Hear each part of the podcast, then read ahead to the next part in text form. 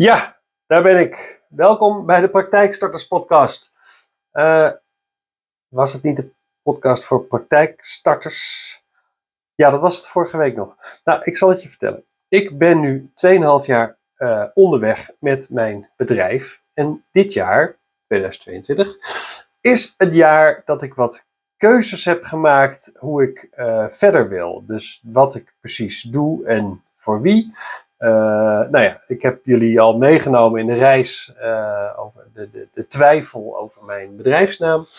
Uh, dus ik ben van secondent naar praktijkadvies Remco gegaan. En in dat kader was het handig om ook de Praktijkstarters podcast ehm, om te buigen naar de podcast voor praktijkstarters. Wat what's in the name, zou je denken. Maakt ook eigenlijk niks uit. Maar dat was, kijk, die praktijkadvies Remco, daar stond ik 100% achter. Maar die podcast voor praktijkstarters, dat klonk toch een beetje zo van, nou, het is maar gewoon een podcast. En ik had speciaal destijds die naam de praktijkstarters podcast bedacht. Maar ik dacht van ja, er is nog niemand die over dit onderwerp een podcast maakt. Dat is één. Dus laat ik daar dan mee beginnen. En de praktijksport, dat klinkt gewoon even wat lekkerder, wat krachtiger dan gewoon maar een podcast voor praktijkstarters. Dus uh, niks is zo veranderlijk als, als uh, Remco, af en toe trouwens. Maar uh, ja, dus ik kan zomaar beslissen op een of ander moment van, nou nee, dit is het toch niet. Dus we gaan gewoon weer terug naar de Praktijkstarters podcast. Alles weer teruggezet. Uh, er is een onwijs mooi logotje voor me gemaakt. Die staat op de, op de website van deze podcast.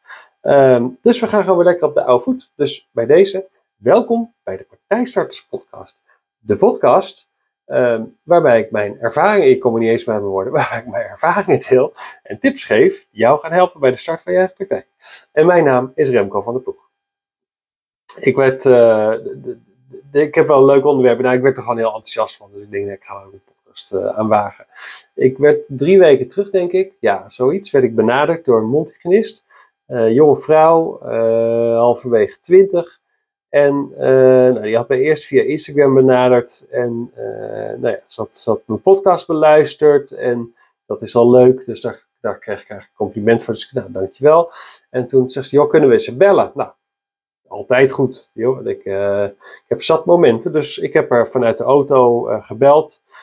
Ze zegt van, ja, ik ben eens even gaan nadenken. Maar ze zegt, ja, ik werk nu ze werkte nu drie jaar volgens mij als mondhygiënist. Ja, en uh, ze zegt, ja, ik heb eigenlijk hartstikke veel geld gespaard. En uh, dat staat daar een beetje niks te doen. Dus ik wil eigenlijk wel een praktijk gaan beginnen. Nou, dat, ik moet zeggen, dat is, dat is ook een ingang. Kijk, ik word meestal benaderd door mensen die, uh, die nog niet zozeer over het geld hebben nagedacht, maar wel heel graag een praktijk willen beginnen. Nou, dan weet je, dat kan ook. Nou, dit begon eigenlijk bij geld. En die had zoiets van, ja, dat geld dat staat er niks te doen. Dus nou, kan ik dat niet gewoon in mijn eigen praktijk gaan steken? Nou, dat kan altijd. Alleen dan nog is een eigen praktijk meer dan een beetje spaargeld. En uh, nou goed. Dus ik vroeg uh, door. Ik zei, joh, hoezo? En uh, nou ja, ze zegt, ik wil toch mijn eigen ding doen. En het lijkt me heel gaaf om dat in een eigen praktijk te, te gaan ontwikkelen. En nou, ja, ze zegt, ik heb toch zoveel spaargeld wat, wat op de plank ligt, dat ik dat wel kan investeren. Ik zeg, oké. Ze heb je enig idee hoe groot die praktijk dan ook moet worden? En wil je een mondhygiëne, was een mondhygiënist, ik zeg, wil je een mondhygiënepraktijk? Of ga je dan toch liever voor een tandartspraktijk, dat je een tandarts gaat zoeken die voor je komt werken? Nee, ik wil echt wel een vrij gevestigde mondhygiënepraktijk, zei ze. En um, nou ja, max twee kamers, zoiets. Twee kamers vind ik wel mooi. Ze zegt van dan ga ik gewoon zelf op één kamer werken. En als het dan uh, uiteindelijk volloopt, dan, dan, uh, dan huur ik een mondhygiënist in en die kan me dan helpen. Nou, oké, ik zeg, nou, dan heb je al, nou, dan moet je kijken naar panden van om en erbij de, nou, zeg 85 vierkante Ik zeg, nou, nou, ja, leuk dat je het zegt, want ik heb ook al gekeken naar panden. En uh, ik heb daarin gezien en daarin gezien en daarin gezien. En daar waar zij keek, in die plaats, daar had ik toevallig diezelfde week ook nog gekeken. Ik zeg, oh, is dat dat ene pand daar tussen die twee restaurants in? En ja, die, leuk is die. Hè? En, uh, en uh, ik zeg, ja, die is wel heel leuk. Maar ik zeg, heb je naar de bestemming gekeken? Bestemming? Ik zeg, ja, misschien heeft het pand wel niet de juiste bestemming erop zitten. Ik zeg, dat heb ik, nou, ik zeg, toevallig heb ik dit pand gezien. En ik heb van de week naar de bestemming gekeken. Maar er zit een verkeerde bestemming op. Dus er staat nu uh, gemengd. Ik weet niet hoeveel volgens die gemeente was. Ik zeg maar, je hebt in ieder geval een andere bestemming nodig. Dus je moet een vergunning aanvragen. Dus dat kan wel een tijdje gaan duren. Oh nee, had ik niet naar gekeken. En, en zo waren er eigenlijk meer van die dingen dat ik, dat ik merkte dat het best wel een, um, ja, een impulsief besluit was eigenlijk. En dat, dat geeft niet, want ik, ik kom natuurlijk heel vaak in situaties waarbij mensen echt super enthousiast bij mij terechtkomen, er helemaal klaar voor zijn. En dan begin ik al een beetje met remmen. En niet omdat ik ze niet ga helpen. Tuurlijk, ik ga ze zeker helpen om de meest fantastische praktijk op te zetten. Maar een praktijk opzetten is niet iets wat je, uh, wat je vandaag bedenkt en morgen doet. Uh, als ik kijk naar de, naar de trajecten die ik begeleid, en ik begeleid echt van het prille begin als er ongeveer nog niks is, niet eens een echt goed uitgedacht idee, tot aan dat de praktijk open gaat en daarna zelfs nog. Um, daar kan zomaar een jaar overheen gaan. Dus als ik merk dat iemand zo hoog in, in, in dit geval haar energie zit en zo enthousiast en ambitieus is en eigenlijk op het punt staat om, om vandaag nog uh, al de spaargeld erin te steken, dan begin ik in eerste instantie met remmen. Dus nou, ik begon over die bestemming. En ik zeg van, joh, 85 vierkante meter. Ik zeg, heb je enig idee wat de verbouwingskosten ongeveer zijn? Nou ja, geen idee. Dat zal, vast wel 50.000 euro zijn. Ik zeg, nou, daar kan je waarschijnlijk wel misschien wel een ton bij optellen als het even tegen zit. Dat is een beetje afhankelijk van wat je wil en, en leidingwerk ja of nee en dat soort zaken. Uh, apparatuur moet er nog in. En uh, uh, hoeveel zou dat zijn? Hij zegt, ja, nou ja, 30.000 euro. Ik zeg, nou ja, 35. nee, dus ik zei, nou, hou rekening met 75, dan kom je denk ik een heel eind. Dus, maar ze luisterde ook gewoon niet, want ze was gewoon zo enthousiast. En dat was echt zo wel heel gaaf om te zien.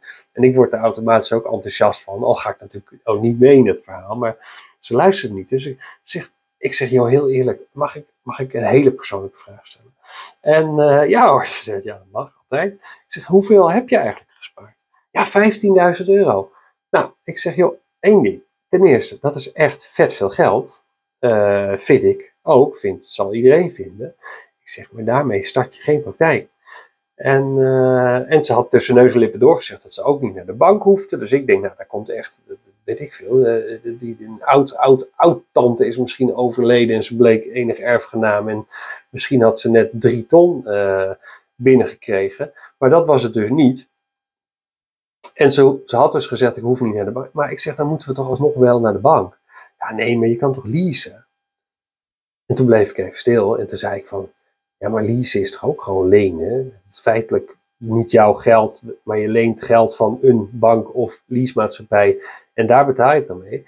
En uh, ja, nee, ja, dus, nou dus gaandeweg het gesprek uh, wist ik haar wel af te remmen. Ja, in zoverre dat, dat ze het plan op zich nog steeds wel heeft. En, uh, maar ik, ik wist er wel in ieder geval te laten blijken van dit gaat veel langer duren dan dat jij denkt.